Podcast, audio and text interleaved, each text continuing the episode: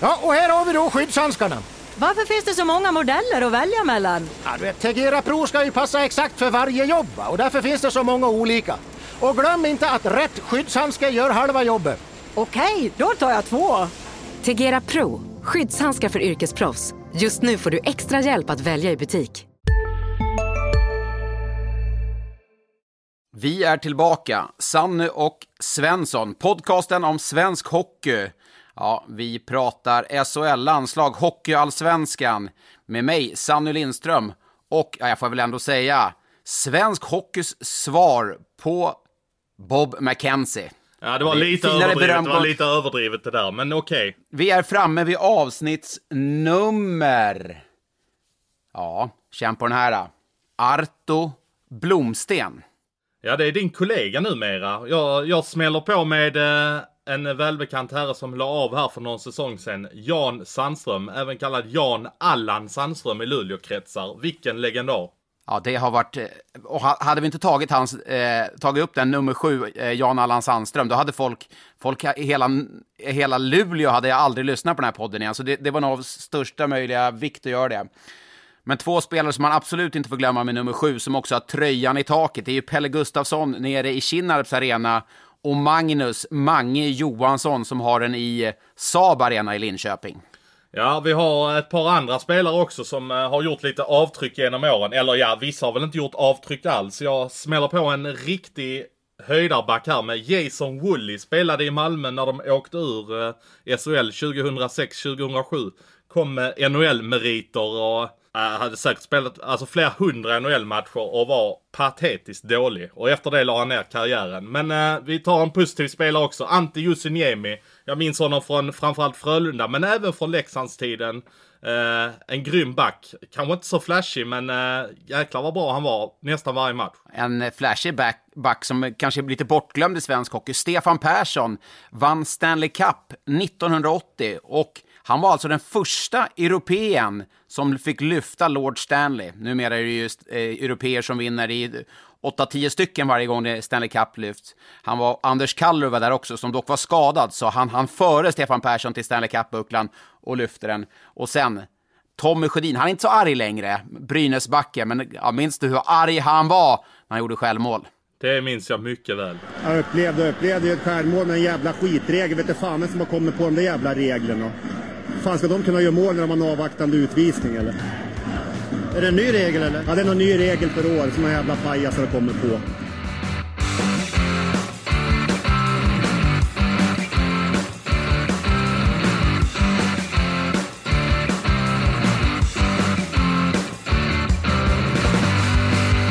Man brukar ofta säga att efter 12-13 matcher eh, brukar tabellen sätta sig och ja, de senaste åren har det ju absolut inte varit så eftersom det har varit så pass jämnt. Men ja, jag tror nog den börjar skikta sig lite tabellen. Topp 8 som vi ser det nu, det är nog där det kan, kommer landa också.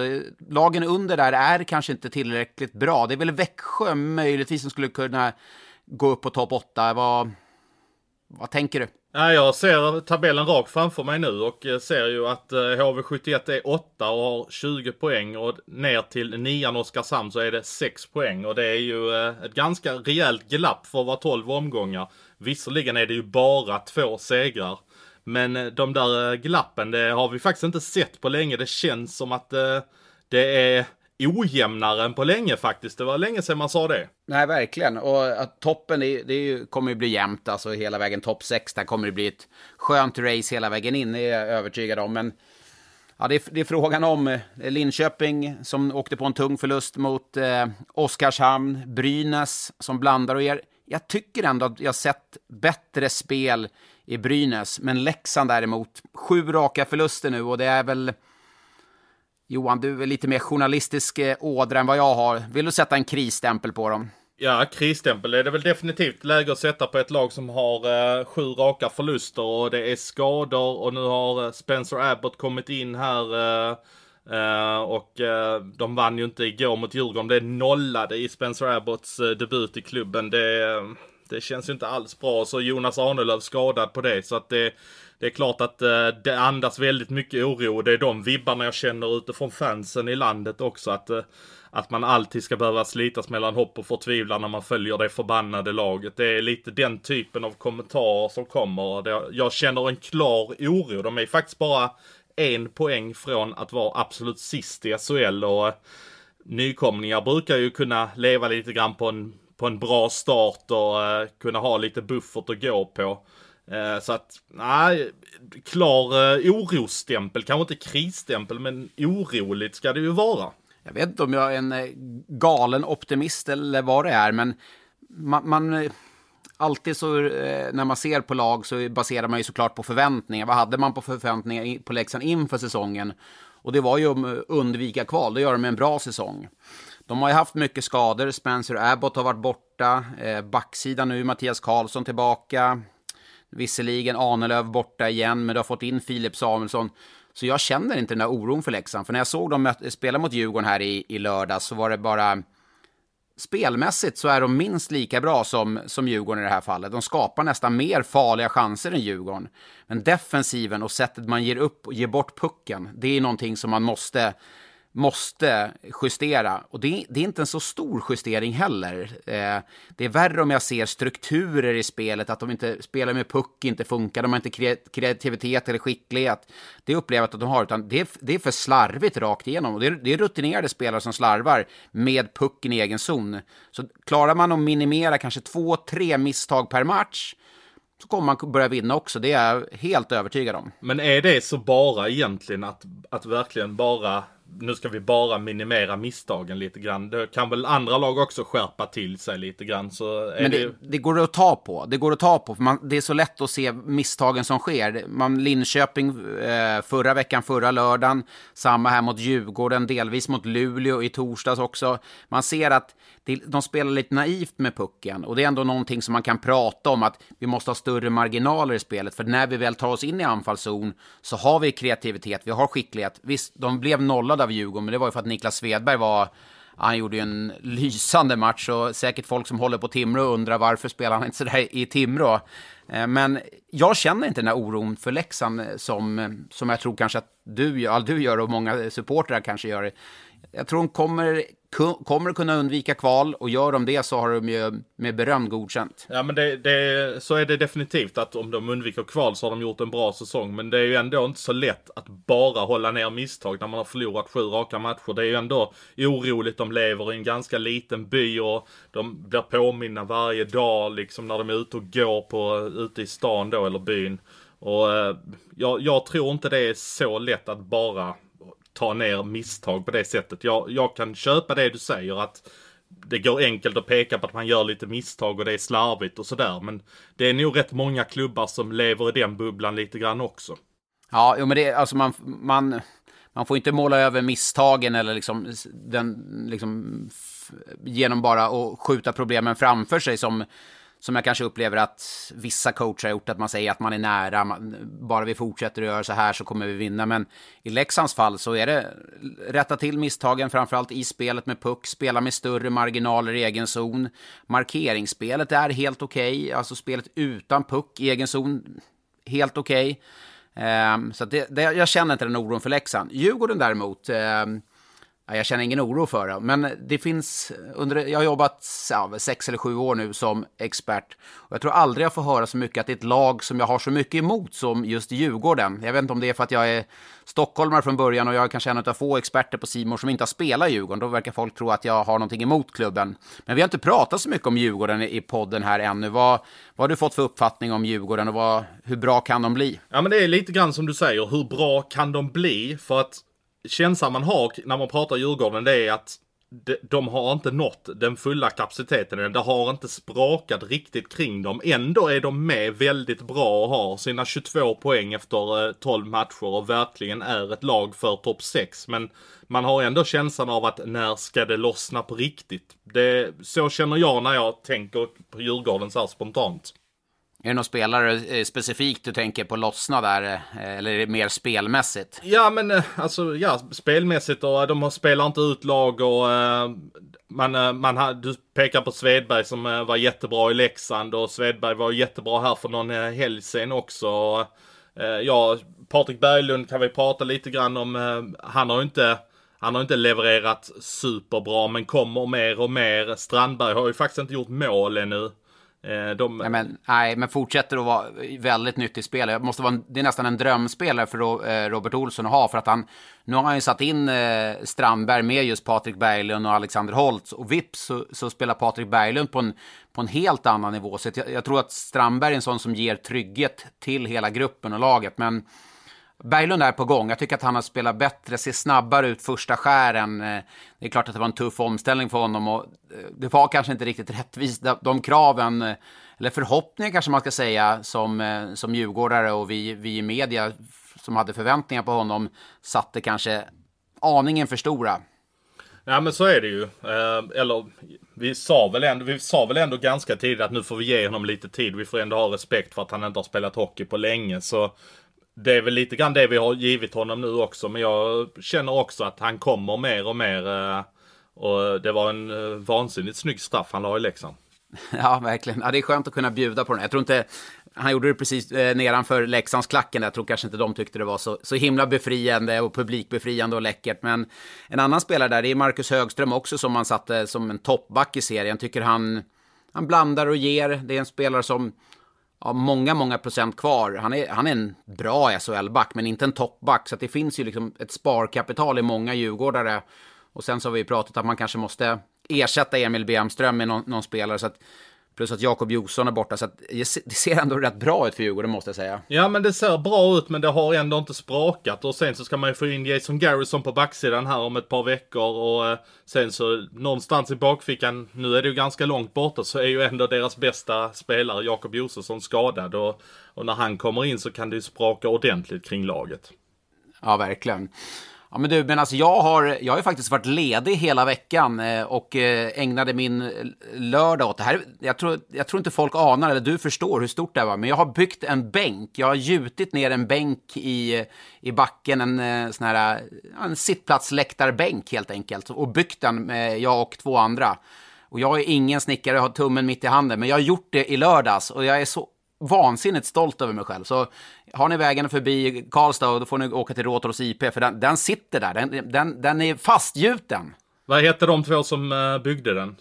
det var jag och två andra. Ja, du, var, uh, jag du, du alltså, tittar så, på eller? Nej, jag, jag surrar ju mycket och sådär och håller ju ställningarna såklart. Men jo, man drog ju ner ett par skruvar, det gjorde man ju. Grävde lite och mätte och hade sig vattenpass. Att det, ja, jag, jag, var så enormt stolt. Men eh, medan jag eh, skruvar bänk så var du nere i Göteborg, eller eh, uppe från dig då, nere från, uppe från Malmö.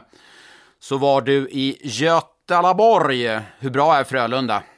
Äh, Frölunda, alltså jag tyckte inte de var så vansinnigt imponerande när jag såg dem måste jag säga. Ja, de har, han var grym med målet, Niklas Rubin, och eh, är ju verkligen inne i zonen. De har fått en riktigt bra målvaktssituation där med eh, både Rubin och Mattsson, eh, där de växeldrar varandra väldigt bra.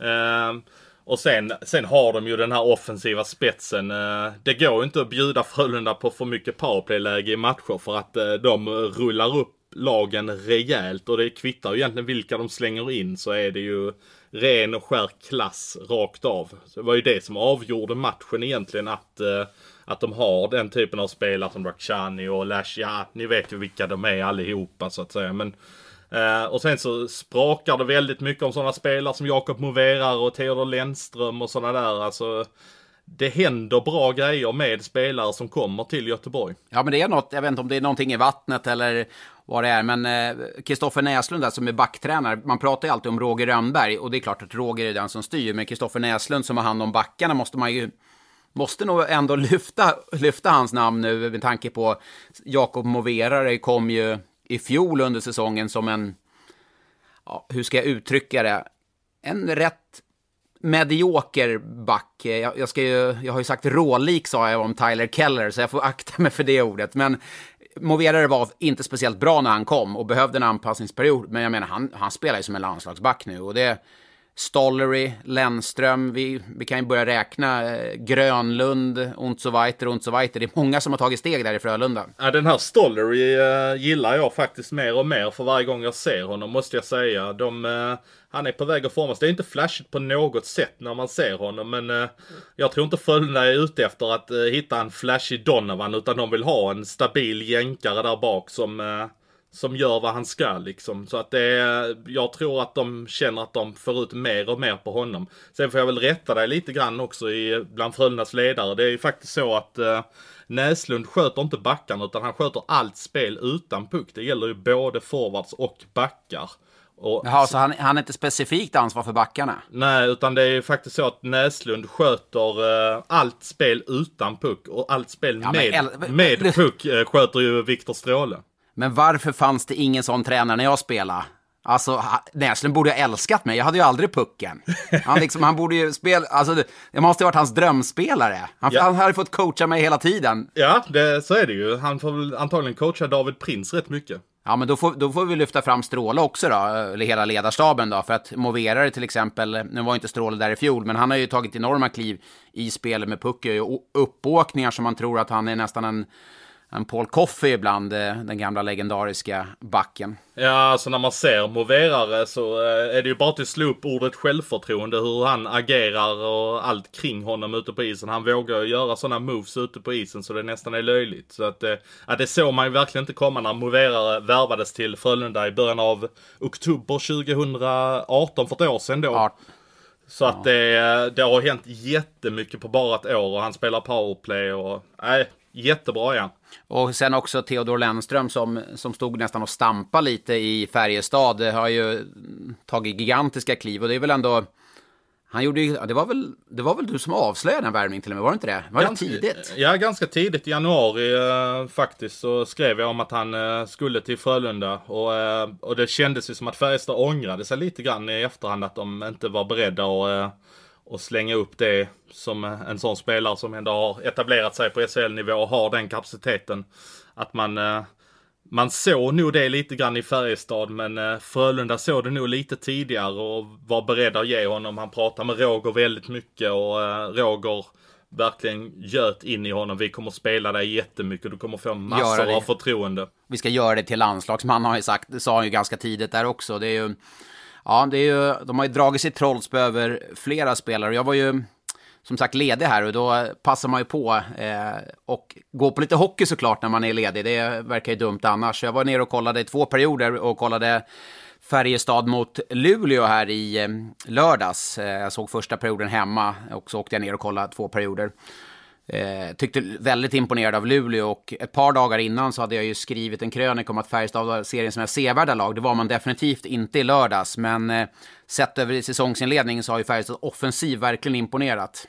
Ja, det kan man lugnt säga. De har ju eh, Linkvist och Lillis och Rydal där. Eh, lite oväntat att Rydal eh, är så pass bra, men han var ju bra redan förra säsongen. Så att, men han producerar ju poäng och han gjorde väl ett hattrick här mot HV för någon vecka sedan. Så att eh, ja, de har fått ihop det bra där, verkligen. Ja, verkligen. Och intressant också där om man ser, ser till Färjestads aspekt. Alltså, nu har ju Gustav Rydahl gått center där mellan Mikael Lindqvist och Marcus Nilsson som du sa. Vilket i sin tur betytt att Johan Ryno har fått flytta, flytta ner som extra forward i eh, torsdags mot Rögle. Spelade lite drygt tre minuter. Han var inne i en fjärde kedja i lördags mot eh, Luleå. Då. Men de har ju verkligen skakat om det här laget. Så finns det ju en Ville Leskinen som, eh, som eh, hade man stora förväntningar på i Karlstad som den skyttekung han var från Finland. Han är ju... Ja, han. Jag ska, hur ska jag uttrycka det? Han är rent ut sagt dålig. Då har jag lagt det på en bra nivå. Det, det trodde jag faktiskt inte att han skulle vara. Jag trodde att det var ett ganska så säkert kort.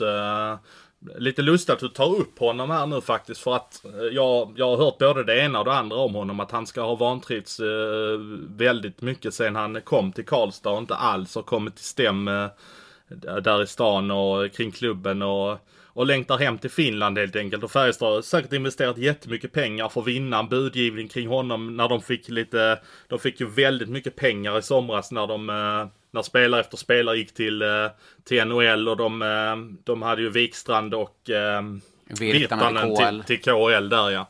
Så att det, det, det har, de hade ju deg att verkligen köpa in spelare för och då, det var ju lite prestige när de fick Ville Leskinen där i, i somras och att de inte har fått ut det de hoppades på där är ju en, det smärtar besvikelse. Nog, ja, det smärtar nog lite grann för Jakobsson och Rodin för att de, eh, de såg nog mycket prestige i det. Ja, och det är inte ofta numera eh, som man får, alltså som, som klubbar kan värva poängkungar från Finland. Det var ju, det var ju, så var det alltid tidigare, för innan KL fanns, så de bästa finska spelarna, de, de gick ju alltid till SHL, det var ju naturligt. Ja. Om man inte gick till NHL.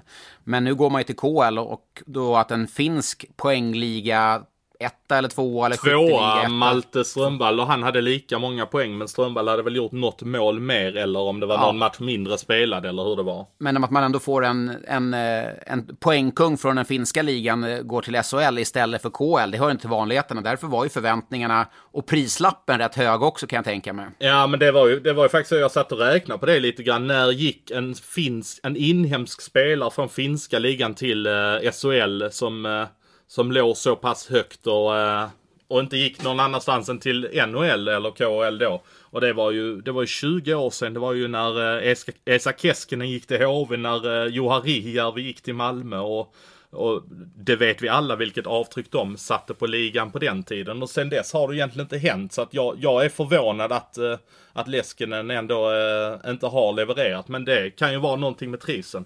Ja, och sen också, alltså, han har inte kommit in i spelet. Han, han är stillastående. Jag satt och följde honom ganska noga på matchen i, i lördags. Och blir stillastående. Han ställer sig ner i fickan, alltså djupt ner i egen zon och väntar in en passning. Eh, och eh, ja, det slutar med att när han får pucken så står han still och då kommer hans kedjekamrater i full fart. Och när han passar den så är han en och en halv zon bakom dem. Eh, så han är, hamnar ju helt ur spel. Sen till hans försvar, jag vet inte om det är ett försvar, men med tanke på att Mikael Lindqvist och Marcus Nilsson har varit så bra tillsammans så har ju de hittat en enorm kemi och spelar i stort sett en och en halv minut i varje powerplay och Leskinen får inte då som högerskytt. Där är ju, där är ju Lindqvist, där plockar de in honom alla dagar i veckan före Leskinen. Så att han sitter ju i en, sits där han är en backup till en av de bästa spelarna i serien. Ja, och nu såg jag att han spelade med Jarno Kärki igår. Kan det vara ett försök för Färjestad att kanske få honom att trivas lite mer och få spela med, med, en, eh, med en landsman i samma kedja? Ja, det är klart det är det. Eh, så är det ju. Och eh, från Färjestads del så man är väldigt måna. Jag tror inte på något sätt att man har gett upp på honom, utan man är väldigt måna att få igång honom. Så att man pushar, peppar, eh, by försöker bygga honom. Men ja, det har inte funkat hittills. Och det gjorde det inte mot Luleå, för att Luleå slå upp den perfekta bortamatchen i Nordbok så, så hittar du en bild på Luleå och det spelet som man visade upp i, i Karlstad lördag, i lördags. Det var från första, från första till sista bytet, en klockren genomförd bortamatch. Man, man, gav, man var faktiskt bättre än Färjestad i stort sett 60 minuter. Va, vad skulle du säga symboliserar en bra bortamatch? Eh, def, ser man defensiven väldigt kompakta, få misstag i spelet med puck. Vi pratade om att Leksand gör mycket misstag i spelet med puck. Här eh, kanske tre, fyra gånger som, som Luleå tappade pucken under hela matchen, över hela isen. Alltid samlade eh, i försvarsspelet. Färjestad som vill vara kreativa. Luleå sjönk ner djupt framför eget mål, nästan fem stycken framför mål och så sorterade man ut därifrån. Och Färjestad blev frustrerade, de kom inte till avslut som de tidigare har gjort, hittade ytorna. Eh, och offensivt så har de fått igång fler spelare. Brännström tycker jag ser, eh, ser bra ut nu. Isak Brännström som de värvar från HV som har blandat och gett lite i säsongsledning, men han ser bra ut. Där eh, har han ju fått börja spela med Arto Ilomäki och där finns det en liten intressant detalj just kring Ilomäki. Han spelar ju center rätt mycket på försäsongen i, eh, i CHL och producerade väldigt starkt.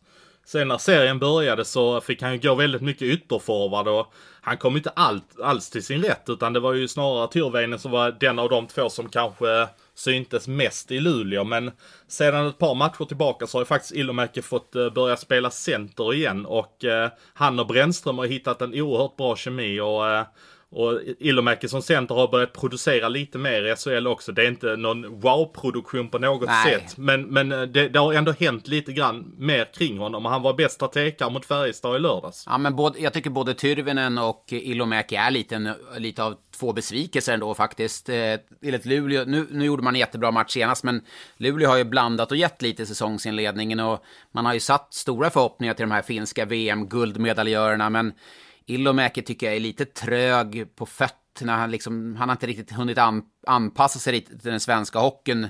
In, absolut inte så illa som Leskinen på något sätt, men jag tror att centerrollen för honom är mycket bättre och då få en kille som Isak Brännström som har en bra fart på skridskorna vid sidan, det, där kan de nog hitta kemi. Så att det ska bli kul att se. Det är ju faktiskt Får man säga, ska vi passa oss för att säga derby nu, eller hur? Vi hade ju en, eh, för några veckor sedan så kallade ju Frölunda mötet med Färjestad för derby. Får man säga att det är derby mellan Luleå och eh, Skellefteå? Ja, E4-derby är väl alltid tillåtet att säga.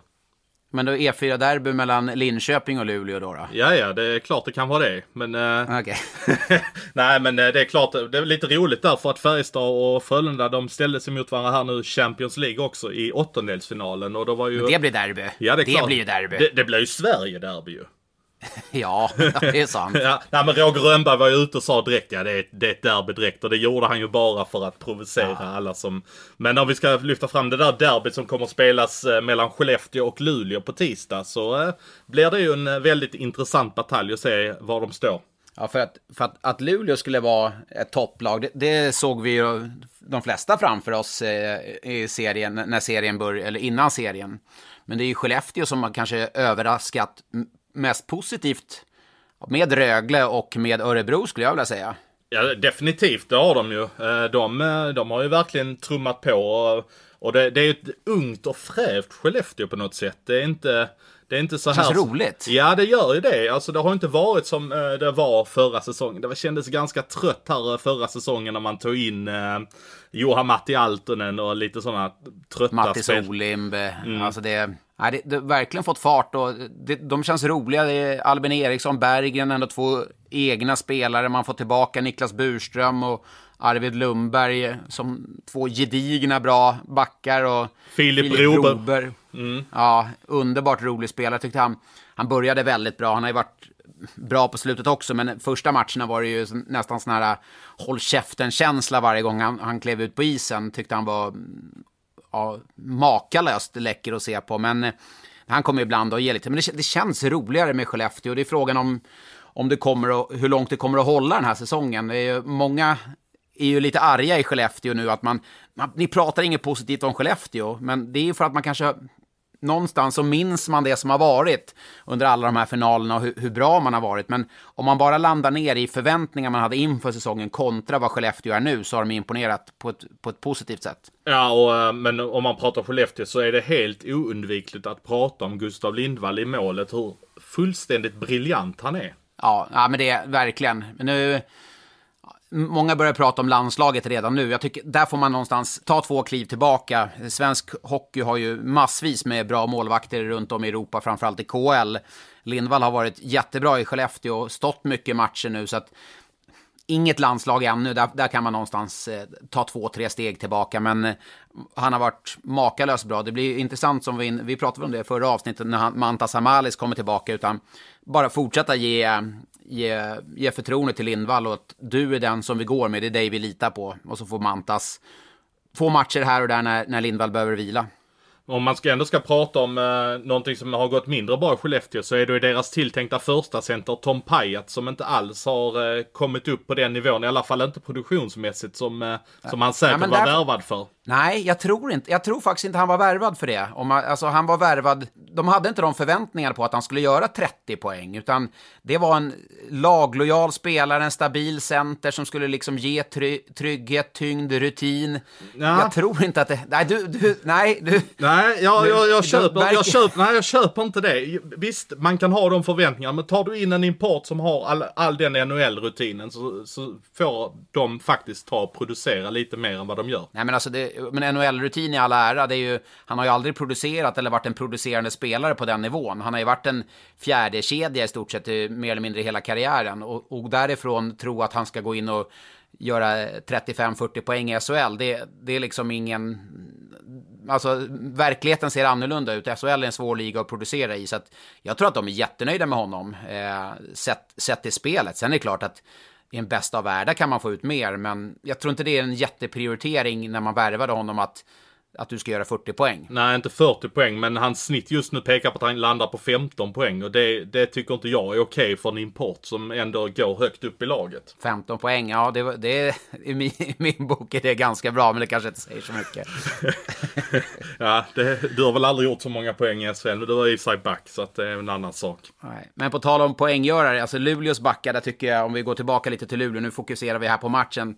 Luleås backsida gillar jag väldigt mycket. Stabila, Nils Lundqvist har ju tagit enorma steg. Jesper Sellgren är ju kanske en av seriens bästa backar, inte flashy. Cody Curran, flashy på något sätt. Eh, Erik Gustafsson, riktigt bra. Du har ju eh, Oskar Engsund som är stabil som tusan. Om vi tar och stoppar upp där lite grann kring Oskar Engsund eh, så har jag fått höra här i helgen att eh, Engsund som kom till Luleå från Frölunda lite stukad eh, faktiskt kommer att bli kvar där uppe i Norrbotten trots att eh, kontraktet nu löper ut i våren. Han ska vara överens om en fortsättning i klubben. Jag vet att lokalmedia i Luleå också har skrivit detta så att det är inte på något sätt något avslöjande i den formen men jag har eh, fått in eh, väldigt säkra uppgifter på att det har varit andra SHL-klubbar som har varit på honom och eh, har fått nobben. Så Oskar Engsund kommer att fortsätta i Luleå. Det är de signalerna jag får i alla fall. Ja, det tycker jag är helt rätt med tanke på den utvecklingen som de har haft tillsammans eh, under de här åren sedan han anslöt från Frölunda. För det kändes väl lite när han kom från Frölunda som att det bara var en ja, en eh, temporär lösning upp i Luleå och eh, nästan tillbaka till Hockeyallsvenskan och det var där han fick, skulle få börja om. Men han, han har ju utvecklats på ett väldigt bra sätt och fyller en stor roll som en tuff, stark, eh, defensiv, rejäl pjäs. Att, eh, inte, bara bara det, inte, inte bara det, utan jag, jag såg faktiskt lite grann, lite spel också i honom. I alla fall förra säsongen såg jag en del spel i honom. Han eh, har ett ganska bra skott som han drog iväg ett par mål ifrån förra säsongen. Så att eh, där finns ju absolut mer än bara spelet utan puck. Ja, absolut. Men har de någon spelet utan puck-tränare i Luleå? Vet du det? Eh, nej, det har jag dålig koll på faktiskt. ja, jag, ska, jag, jag, ska nog ansöka det till Luleå kanske om de behöver en spelet utan puck-tränare som Frölunda. Alla måste ju blicka mot mästarna Frölunda. De måste ju alla lag ha en spelet utan puck-tränare. Du gillade det där faktiskt. Ja, jag gick igång totalt. Jag, nu har jag snickrat en bänk här i helgen, men jag... Vi är specialister på det vi gör precis som du. Därför försäkrar vi på Swedea bara småföretag, som ditt. För oss är små företag alltid större än stora och vår företagsförsäkring anpassar sig helt efter firmans förutsättningar. Gå in på swedea.se företag och jämför själv. Hej, Synoptik här. Visste du att solens UV-strålar kan vara skadliga och åldra dina ögon i förtid? Kom in till oss så hjälper vi dig att hitta rätt solglasögon som skyddar dina ögon. Välkommen till Synoptik. undrar inte om, alltså om jag inte ska bli snickare nu så kanske jag ska bli en spelet utan puck-tränare. Stänga ytor, spelet utan puck. Det kan vara vackert det också. Ja. Ja, inför säsongen så eh, fick vi ju väldig utläggning från domarna inför säsongen och hela upptaktsträffen ägnades väl i stort sett en del kring detta. Eh, vad, vad, vad tänker vi kring domarna så här långt? Har, vi, eh, har det blivit eh, ordning och reda där ute? Nej, alltså det... Jag tror att man måste backa tillbaka två, tre steg här och liksom, hur vill vi spela hockey i SHL? Jag vet att Ryan Lash var ute och sving, eller svinga gjorde han inte, han sa väl lite vad han tyckte och tänkte i alla fall kring det här med, med hakningar, fasthållningar, spelförstörande moment. Eh, inför säsongen pratar man mycket om det här boxa ut, det vill säga att man, är, man tar bort en icke puckförande spelare i offensiv zon med klubban. För stopp, att ta bort stopp, stopp, stopp där. Tycker, ja. du, tycker du att eh, vi har sett många utvisningar som har skett på grund av eh, att spelare har boxat ut. För att jag upplever inte det som att jag har sett speciellt mycket av det. Har spelarna slutat upp med det eller har de inte tagit för de grejerna? Både och. Eh, spelarna är mycket mer medvetna om det i år. Eh, så det är, det är inte alls lika mycket boxa ut som tidigare. Och domarna har tagit några, några gånger, men inte i den utsträckning som jag önskar. Eh, det är eh, något som har blivit ett ännu större problem skulle jag vilja säga att domarna har varit så väldigt fokuserade tycker jag på det här boxa ut och framförallt målgården. Vilket gör att man har fokuserat på det och man glömmer fasthållningar, hakningar. Det är väldigt mycket sådana moment och här tror jag det, här måste man få tydliga direktiv, domarna. Vad, vilken typ av hockey ska premieras? Det, det, måste ju vara den offensiva hockeyn. Nu är det, jag upplever att det är mer fasthållningar nu än vad det är på kanske de fem, sex senaste åren. Och därför blir eh, domarnivån, när domarna dömer, den blir väldigt hög, låg, hög, låg. Det är svårt för spelarna, svårt för publik att rätta sig in och veta.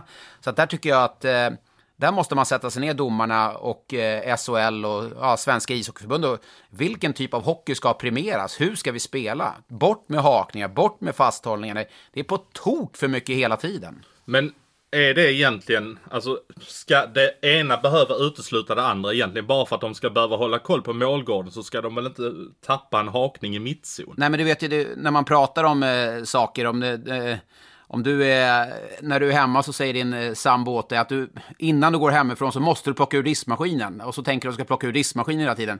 Ja, men då kanske du glömmer att du måste bädda sängen också. Förstår du vad jag menar? Det är samma, det är samma sak här. Att det, de har fokuserat så väldigt mycket. Snacket inför säsongen har varit boxa ut målgården, boxa ut målgården, boxa ut målgården. En vanlig inför en säsong så kanske det har varit mer allmän prat om fasthållningar, hakningar, eh, diverse spelförstörande moment. Men nu har mycket av pratet legat hela tiden på det här med eh, med boxa ut, som är jättebra, absolut, och målgården som också är jättebra.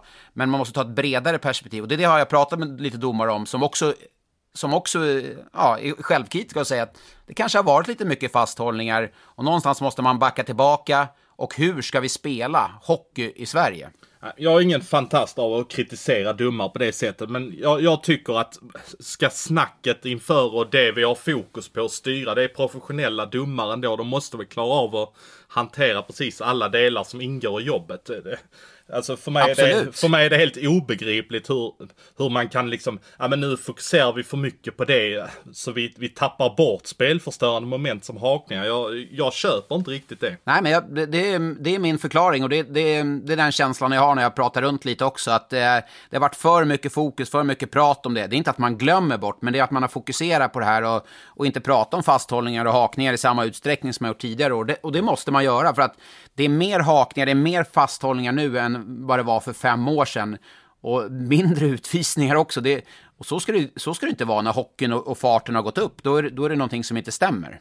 En som var rejält missnöjd här i veckan var ju Karlskronas eh, sportchef eh, Patrik Larsson. Han var ute och svingade något fruktansvärt eh, skulle ja, jag vilja nej, säga. inte ens var hans match. Han, han, det var inte ens deras, det var inte ens Karlskrona som hade spelat match va? Nej, det var väl Björklöven som hade mött uh, Västervik och uh, uppe i Umeå där. Så, uh, som han hade suttit och kollat på där på tisdagskvällen när alla andra kollade landskampen. Kollade han den. Men ja, vad va, va kände du när du såg det utspelet? Jag, jag kände lite grann så här att, men snälla, varför, varför, varför, varför ska du hålla på med den här? Alltså det var ju en fullständigt totalsågning. Nej, jag fattar inte heller. Det är ju det är på så låg nivå. Det får ju Karlskrona att se ut som en amatörförening så att jag blir ju nästan, jag blir mörkrädd. Det är, det är, så, det är pinsamt låg nivå. Om Patrik Larsson har de här åsikterna, vilket han är helt fri till att ha, det är inte, jag, jag dömer inte hans åsikter.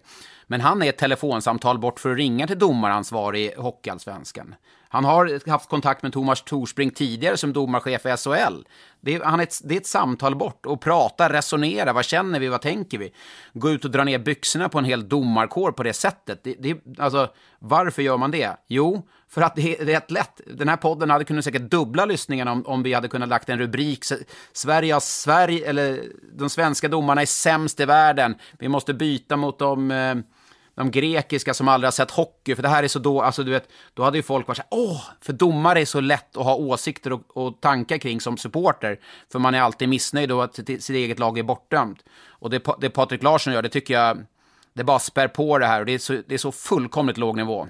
Det jag inte begriper är varför ingen övrig från Karlskrona är ute och säger det här står inte vi bakom. Utan det, det var ju bara fullständigt tyst från Karlskrona som förening, från klubbchef och från ordförande i styrelsen. Men vem är, ordförande, vem är ordförande där då? Ja, det är ju hans bror. Så att det blir lite svårt. okay. Men, men, ja. men, men Rosenqvist kan ju, eller Rosqvist eller Rosenqvist eller vad han heter, klubbchefen hade väl i alla fall kunnat säga någonting. För det, det ser ju inte alls bra ut för Karlskrona att, att sportchefen är ute och svingar på det sättet. En, Eh, en tisdagkväll. En tisdag? Nej, verkligen inte. Det, det är jättelåg nivå. Hade jag haft någon som helst eh, sympati sympatier om Timmy Karlskrona så hade jag skämt för min sportchef. Men jag förstår att de inte gör det, för att de tycker, alltså, den allmänna uppfattningen är att domarna alltid har fel. Eh, sen när man nagelfar regelboken, jag kan sitta i studion och tänka, ja men det där skulle domarna tagit för, oj det där ska vara det, det ska vara det. Och så kollar man regelboken, ja men fasken, de hade rätt. Sen, sen säger inte jag att domarna alltid gör rätt. De, ibland kan jag lämna en match och känna att nej, det, det var dålig nivå på domarna. Det kan jag också göra. Men därifrån till att dra ner byxorna på en hel domarkår på det sättet tycker jag är en fruktansvärt låg nivå. Ja, när jag pratade med Thomas Torsbrink eh, bara direkt efter det här hände, det var bara, eller direkt efter, det var någon dag senare som jag stötte på Thomas Torsbrink här på en SHL-match som han var och kollade på. Och, eh, och så frågade jag lite grann, ja men blir det några konsekvenser på det där eller är det fri lekstuga för alla att gå ut och såga helt fritt? Men han, han sa ju mer eller mindre att i Hockeyallsvenskan finns det ju inget regelverk så det, det är ju bara till att ösa på vad du vill. Men så förstår jag att det inte är SHL utan där finns det väl lite tydligare ramar. Ja, där finns det ett eh, disciplinråd som kan döma, döma ut böter. Och det handlar väl någonstans om man ska respektera. Jag brukar alltid säga att domare är kollegor. Alltså det är ju, de är ju på planen för att göra det säkert för spelarna. De är inte där för att förstöra för spelarna. Eh, de är där för att, för att hjälpa till, för att kunna genomföra en match på ett eh, säkert och bra sätt. Eh, så att, nej, jag brukar alltid säga ingen domare, ingen match. Och det borde kanske Patrik Larsson och alla andra klubbledare som har varit ute och svinga och spelare tänka på. Sen är, står alltid dörren till, till domarrummet, den står öppen. Torsbrink, jag menar han svarar på samtal och svarar inte så ringer han upp i stort sett mm, ja, så fort han ser det. Så det är ju inget svårt att få kontakt med de här om man nu som klubbchef, spelare, ledare eller vad det är har åsikter. Men om jag ändå får säga en grej som jag är lite kritisk mot när det gäller domare så är det det här utbytet som sker med europeiska domare. Jag såg... Bästa som finns. Bästa som finns. Absolut inte. Och det vet du att det, det jag, jag begriper inte, för det gynnar inte SHL i alla fall. Det kanske gynnar de andra ligorna att de får lära sig av våra svenska domare. Men de som kommer hit Alltså det är så dålig klass emellanåt. Den finska domaren jag såg i förra veckan, jag, alltså jag tyckte han var så klappkass. Men, men det är också det, därför gillar jag det här. För att folk som, har, som aldrig har varit utanför de svenska gränserna säger att Sverige har de sämsta domarna. Och så är det ju inte. Alltså, domare gör fel, men när man, det, det är det som jag gillar med de här domarutbytena. För då kommer de här domarna så ser man att det här är en nivå sämre än, än vad det är i Sverige. Två nivåer sämre kanske. Och då kanske man får lite perspektiv till, eh, till de svenska domarna. Så att eh, därför hyllar jag det utbytet. Men jag gjorde inte det när jag spelade kan jag säga. Vi hade en, en tjeckisk domare då som, som kom och dömde. Och eh, han hade en helt annan regelbok, vill jag minnas, än vad det var i, i Sverige. Och det var svårt som spelare att anpassa sig. Ja, nej, jag gillar inte det. Och det men visst, du har en poäng där. Patrik Larsson har ju inte bara varit ute och svingat eh, i media kring domare utan han har ju faktiskt skött sitt jobb också. Och eh, de har ju en skada där på Marcus Hellgren, målvakten, en av de två målvakterna i Karlskrona. Eh, det är ju Arvid Ljung och Hellgren som är målvaktsparet i KK den här säsongen. Hellgren som för övrigt gjorde det jättebra innan han blev skadad och nu kommer han ju vara borta ett par veckor, ganska lång tid, kanske ända fram till jul. Och det har ju fått sportchefen Larsson att agera och jag hör att de har eh, hittat en målvakt faktiskt eh, i Karlskrona. En, eh, jag vet inte om han är amerikan eller kanadensare, men han heter Tanner Jalet. Vad vet du om honom? Ja, att han, att han har spelat i East Coast borta i, i USA. Eh, så att det är en eh, målvakt som är ganska långt ner i den eh, näringskedjan där borta. Har inte spelat denna säsongen. Spelade i Jacksonville Iceman förra säsongen. Hade 89% räddningar, 2,92 insläppta per match. Har gått universitetsutbildning innan det. Så att han kan, det är kanske en klok herre men hur han är som målvakt vågar jag inte svara på. Ja, om Karlskrona måste värva så finns det ju andra klubbar som, som kanske måste göra detsamma, förutsatt att det finns ekonomi. Södertälje, mm, de har ju tappat enormt mycket publik och känns det som att hela, nästan föreningen har gett upp den här säsongen. Eh, det går ju kolossalt dåligt. Och jag satt och kollade på de här i fredags mot Björklöven var det va? Mm. Var det fredags? Ja, korrekt, det var fredags. Korrekt. Och bara kände det här, det finns ingen vilja, det finns inget driv, det finns ingen passion, det finns ingenting. Nu var ju Björklund väldigt bra, eh, men jag såg inte tillstymmelse till någon vilja förutom eh, målvakten där, Salin, som eh, slog sönder plexglaset, om det nu ska betecknas som vilja.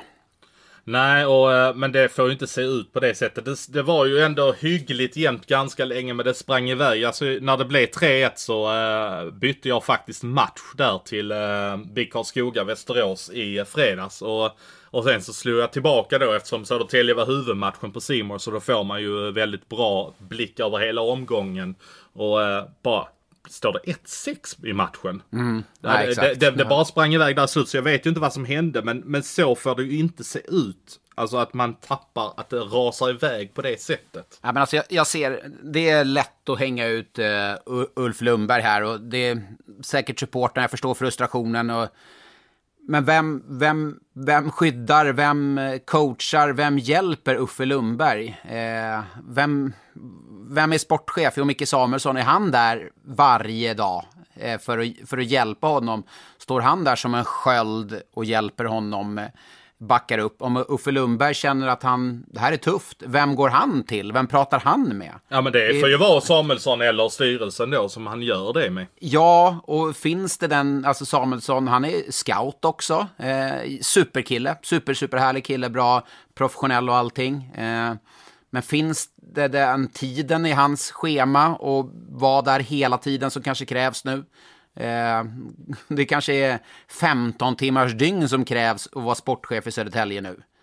Så är det ju, att, och där finns ju ingen klubbdirektör heller. Mats Pernhem har ju lämnat klubben och den nya klubbdirektören är ju förvisso utsedd och eh, kommer ju att ansluta här om någon månad. Men en månad är ju väldigt lång tid också. Men Pernhem där, om vi bara stannar upp lite vid honom där. Eh, står han fortfarande i klacken eller var, var det bara något eh, publikfrieri när han var klubbdirektör? För att en klubbdirektör som står i klacken, det låter ju jättecharmigt. Men det, det, finns ju ingen annan klubbdirektör i Sverige som står i en, en, en klack, va? De, de har väl massvis med annat jobb att göra. Och det känns ju som Pernhem borde kanske prioritera annat, för han är väl en del som har byggt upp, eller raserat det här kanske jag ska säga. Ja men så är det ju. Alltså Pernem kom in och uh, jag tror fansen gillar honom väldigt mycket. Men det kan ju också ha att göra med allt det här uh, publikfrieriet då med att han stod i klacken på bortamatcher. Men, men det, det är som du säger att det, det går enormt mycket tid. Sätta sig i bilen och köra ner till Tingsryd och sen ligga och köra hem på natten. Hur fräsch är han då morgonen efter när han kanske har lite andra arbetsuppgifter som behöver göras. Det, det går inte riktigt ihop. Nej, men jag... I jag vet inte vad, vad, lösningen är på problemet och eh, som det är nu så kan du inte bara att det löser sig, vi fortsätter, du måste göra någonting. Men eh, om det är Uffe Lundberg som ska behöva gå eller Uffe Lundberg som behöver stöd för Niklas Falk som är assisterande tränare, han dubbeljobbar, han är ute i Tumba ibland för, för att jobba lite extra med deras eh, lag och Bossik vad heter han, Dennis... Dennis eh, Bosic, eller Bosic. Bosic. Ja. Han är, kör ju också hockeygym såklart och lite på juniorerna för att behöva dubbeljobba. Det är, det är liksom en organisation som är för, för svag för med ambitioner och passion bland supportrar så det känns det som en organisation som är mer hockeyettan-mässig än hockeyallsvenskan-mässig. Ja, men är inte det så verkligheten ser ut lite grann? Det är ju inte så mycket folk på matcherna och uh, Ja, det... ja, men vad, vad kommer först, hönan lägget? Inte så, så att eh, Södertälje-fansen är dåliga på att sluta upp kring sitt lag. De är dåliga på att sluta upp, eller dåliga, de sluter inte upp kring sitt lag nu för att, för att de ser det som vi såg på tv. Ingen passion, ingen vilja, ingen driv, ingen energi, ingenting. Det är klart att man inte går på matcherna. Nej, så lösningen är helt enkelt att uh, se till att få in någon som kan jobba lite mer med sporten och vara en backup till, kring uh, tränarteamet. Kanske hitta någon som kan uh, komma in i laget, ge lite ny energi. Är det det som du ja. ser på lösningen då? Ja, det, definitivt. Och jag, jag tror att oavsett vilken tränare som kommer in här så måste den tränaren ha stöd och uppbackning. Om det nu är så att du väljer att göra av med Uffe Lundberg som som är ganska sannolikt att man på sikt kommer att göra för att det är ohållbart. Det, är en, det har hamnat i ett läge där det inte finns någon återvändo. Men det kanske hade, kommit ett annat, hade varit ett annat läge om Lundberg hade haft en organisation och luta sig och vädra och bolla saker med. Det har han ju inte haft nu. Eh, och då är det ju klart att det är väldigt lätt att hänga Lundberg. Eh, men oavsett vilken tränare som kommer in så måste man stärka en organisation, för annars kommer det bli samma sak igen. Ja, och de, eh, de har ju faktiskt varit nere i skiten rejält. Det var ju inte allt för många år sedan det var nere i Hockeyettan, så de vet ju att det faktiskt kan hända även om man heter Södertälje SK. Så är det ju. Då hade man ju kanske ett bättre lag på pappret då. Då hade man ju faktiskt ett, eh, ett riktigt bra lag det året man åkte ut. Och det året i Hockeyettan så var jag och kollade på dem några gånger. Då mötte de ju mitt kära Huddinge bland annat. Och det var ju, det var ju fest när Södertälje åker runt. Det var ju en väldigt härlig uppslutning bland fans och, och som var fast bestämda att ta sig tillbaka. Och eh, det är det ju inte nu, för de, man har ju gett upp och eh, nej, där får man eh, ta en rejäl funderare hur organisationen ska byggas framöver om Södertälje ska bli slagkraftiga. Ett annat lag som inte är slagkraftigt i Hockeyallsvenskan är ju AIK Hockey och där, där ser jag ju verkligen inte heller någon ljusning någonstans på det hela. 0-5 mot Modo i lördags hemma och det var, ja, det var inte mycket folk på Hovet heller.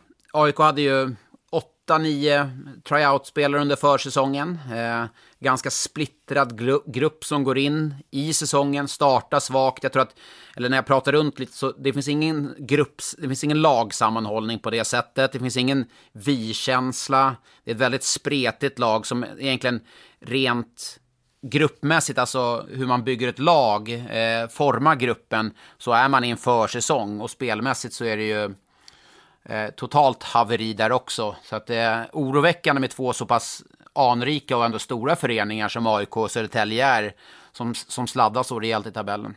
Jag, jag har pratat med lite folk, både som följer AIK Hockey och folk som är direkt inne i AIK Hockey. Och, och det värsta är att de, de, det känns uppgivet. De, de säger att ja, vi, vi hittar ingen lösning på det här utan eh, det känns som att man saknar idé. Nu har inte jag sett AIK Hockey speciellt mycket på det sättet så jag kan säga att det, det är det det fallerar på. Men men eh, det, när det är så uppgivet både innanför väggarna och på läktaren. Det är ju ingen bra tendens alls. Och så sitter man med en orutinerad tränare i Jussi Salo och Anders Gossi som är i båset som, som är assisterande till Jussi. Men, men det är ju ändå Gossi som bestämmer i slutändan. Det, det är en extrem... Ja, det är ingen Nej, det är, Nej, det, är ingen det är ingen optimal situation, definitivt inte.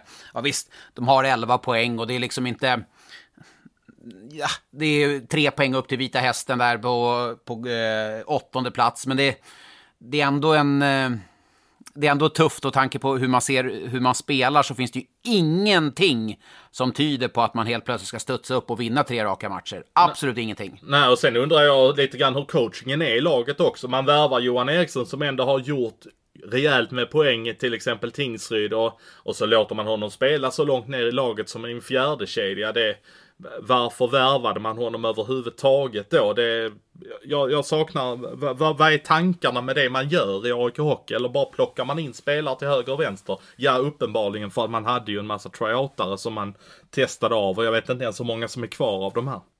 Nej, och det, det är ju, sen är det klart att det, det blir ju ett, när man hade en framgångsrik säsong som man hade i fjol och man tappade så många enormt skickliga spelare så är det såklart att det blir eh, det blir en omställning och jag hade väl inte räknat med att AIK skulle vara topp tre lag den här säsongen, men jag hade räknat med att de skulle ta, vara topp sju, topp åtta lag alla dagar i veckan.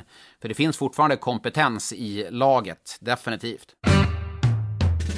Vi tar och kastar oss över ett helt gäng av frågor som, eh, som har kommit in den här veckan också. Jag vill bara säga att jag tycker det är det känns så sjukt kul att ni är med, men alltså att vi behöver välja bort så många vassa frågor, det, det känns så. Jag skulle vilja lyfta fram att så är det någonting som ni verkligen brinner för som vi absolut inte tar med så ställ frågan igen för ibland kan faktiskt tjat löna sig. I detta fallet så hoppas vi att det kan vara så då om det verkligen är någonting ni brinner för. Men vi tar och kastar oss över äh, frågor då. Uh, här är faktiskt en som har varit med innan, Stefan Hansson.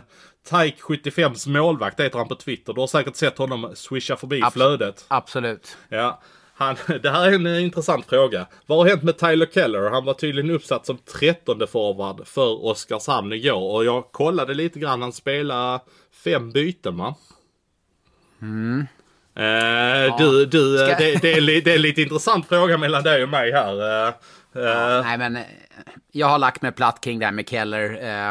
Det är klart att eh, en spelare som kommer in i ligan, eh, eh in, eh, inte storleken på sin sida, kommer in och spelar våldsamt bra som han gjorde i början.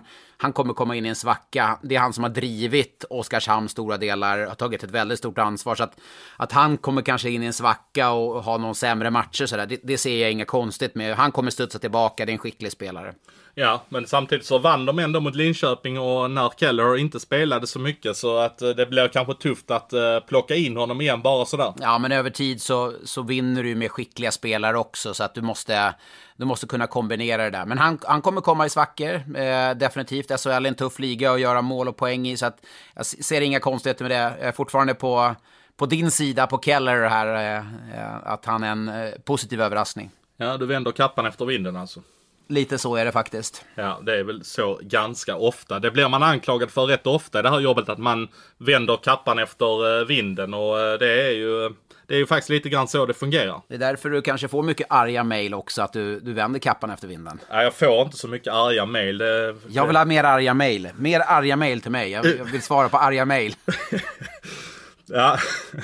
Eh, Anders Andersson inte experten i Simor på fotbollsallsvenskan utan en annan. Han kallar sig risksupporter på, eh, på Twitter. Eh, sympatiserar med Rögle BK. Han skriver så här. Eh, Många jämförde Rögles värvning av Rifalk med Kruse när vi värvade honom. Hur förvånade är ni av hans lugn i kassen? Kommer han spela i NHL eller KL inom ett par år? Då får jag väl börja med att säga där att jämföra honom med Kruse, det kände väl inte jag riktigt att det var eh, de som jämförde på det sättet. De eh, var väl ute och cyklade ganska mycket va. Men han tänker väl mer på att värvningen inför säsongen, att det inte var många som trodde på Kruse och att det inte var många som trodde på Rifall kanske. Men jag trodde faktiskt på Rifall för man såg ju vilken bra kapacitet han hade. Alltså när Kruse värvades till Rögle så var det ju faktiskt han och, eh, var det Poggi som en var eller Nej, Engelage. Engelage, så var det ja. ja Kruse var ju inte och, etta i uh, BIK Karlskoga den säsongen. Nej, nej.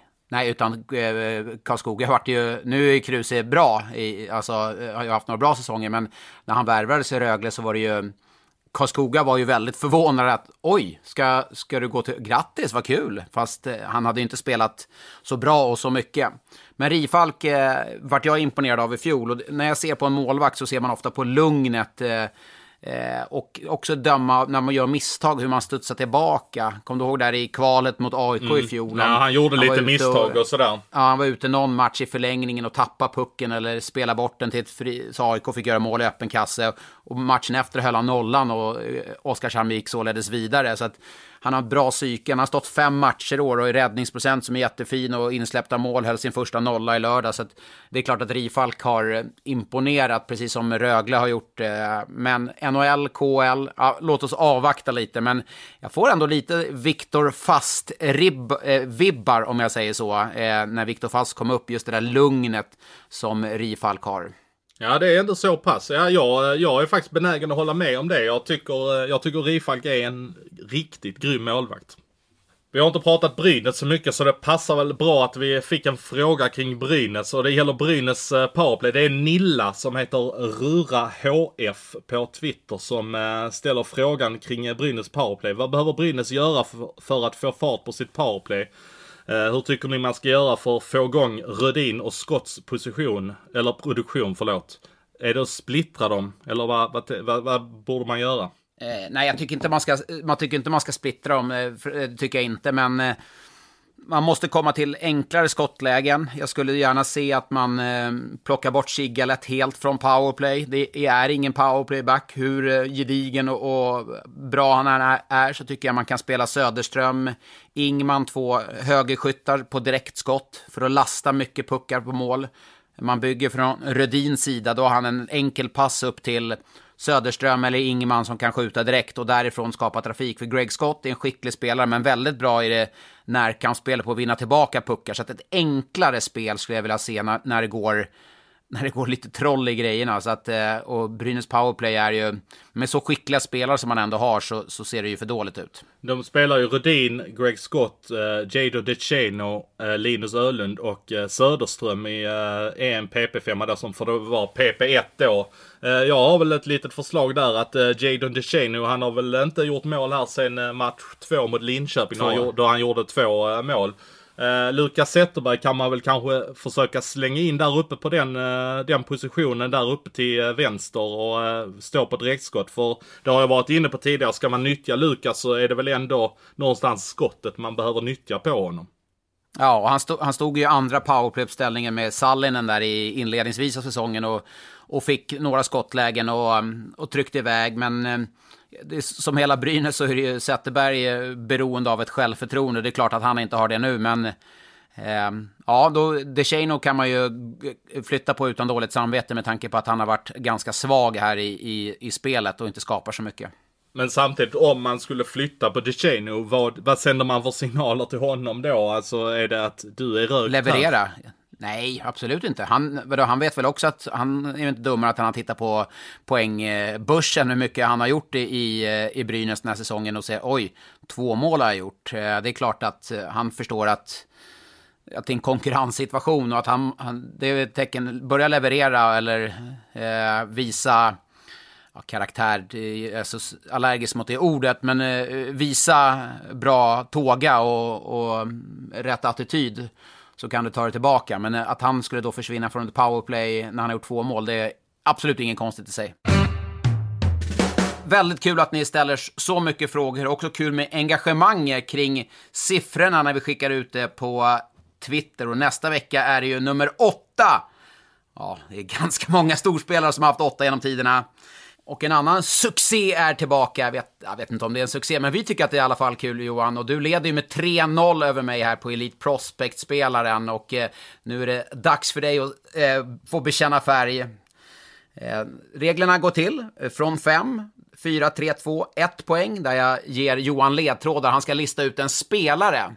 Det är en svensk spelare vi söker idag Johan. Yep. På 5 poäng, är du redo? Är du redo? Ja, men jag har ju blocket här framför. Du ser ju det rakt av här ju. Är det en svettpärla jag ser komma ner där? Du, du är lite nervös för det här. Nej, nu sitter du och ljuger här. Bara, bara kom till skott nu. Eh, på fem poäng. För tillfället klubblös. Han spelade i SHL i fjol. Och tidigare VM-spelare för Tre Kronor. Eh, Ja, nu, nu, nu, nu, känner jag att du vill vilseleda mig här faktiskt. Så att eh, jag, men jag, jag har en bild framför mig vem det kan vara, men jag tänker inte skriva ner det för jag, jag har i alla fall tre poäng att gå på. Eh, fyra då, då, vill du ha? Japp. Han har spelat i fem olika SHL-klubbar. Bland annat med Djurgården i fjol. Har även spelat utomlands, ja, i klubbar som till exempel Davos. Uh på fyra poäng. Han har spelat i fem olika SHL-klubbar, bland annat med Djurgården i fjol. Mm. Han har även spelat utomlands och då i Davos. Ja, men jag, eh, jag slänger fram det namnet där då. Okej, okay, på fyra poäng. Ja, du, det, tre, du har säkert vilselett mig nu, men kör på. Tre, vann SM-guld med Brynäs 2012. Mm. Två poäng. Han inledde säsongen i Djurgården i fjol innan han avslutade säsongen i Rögle. Ja, men då hade jag fel. Då... Ja, en poäng, en poäng. Mm. Denna högerskytt var inte släkt med Joa Widing, men likväl en Widing. Ja, Daniel Widing. Jag, jag visste att du skulle vilseleda mig med, med, med Djurgården och Davos. Det var något lurigt där. Men jag, jag, kommer, jag kommer ta revansch på den. Jag ska hitta något ja. riktigt klurigt på dig nästa vecka. Ja, den var... Det var... Ja, kan vi ta det där? Det är alltså Daniel Widing som för tillfället är klubblös. Och han eh, spelade ju i SHL både i Djurgården och Rögle i fjol. Spelat VM för Tre Kronor i Quebec 2008. Eh, spelat i fem olika SHL-klubbar. Eh, Leksand, Brynäs, Skellefteå, Djurgården och Rögle. Och han har ju spelat utomlands i Davos. Och där, eftersom han spelade i Djurgården i fjol och Dick Axelsson har spelat Davos, så hade jag det på kroken där, det kände jag. Ja, jag visste att du skulle, alltså jag skulle inte gjort, äh, svarat, för jag, det kände, jag kände på dig, hela vibbarna här kändes att du, att du skulle gå på något lurigt. Men jag, jag tog den, jag tog den. Ja, vann SM-guld då med Brynäs 2012, gjorde Daniel Widing. Han inledde säsongen med sju matcher i Djurgården i fjol, innan han avslutade i Rögle. Och Joa Widing var ju då, jag tror han var Sveriges första NHL-spelare i alla fall. Eh, och, men den här, han är inte släkt med honom, men det är en Daniel Widing i alla fall. Så att, eh, ja, kanske lite fult av mig, men man får köra fulspel ibland också. Ja, nu är ribban lagd. Den, den la sig väl redan förra veckan när jag körde Lucas Raymond faktiskt. Vi tackar så mycket för att ni står ut och lyssnar på oss ännu en vecka. Vi är tillbaka nästa måndag igen. Vi ses och hörs. Ha det bra!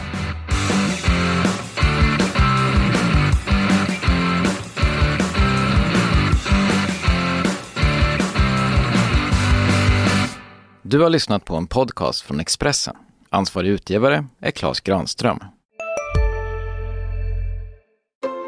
Just nu pågår vår stora season sale med fantastiska priser på möbler och inredning. Passa på att fynda till hemmets alla rum, inne som ute, senast den 6 maj. Gör dig redo för sommar. Välkommen till Mio. Upptäck hyllade XPeng G9 och P7 hos Bilia. Våra produktspecialister hjälper dig att hitta rätt modell för just dig. Boka din provkörning på bilia.se xpeng redan idag. Välkommen till Bilia, din specialist på X-peng.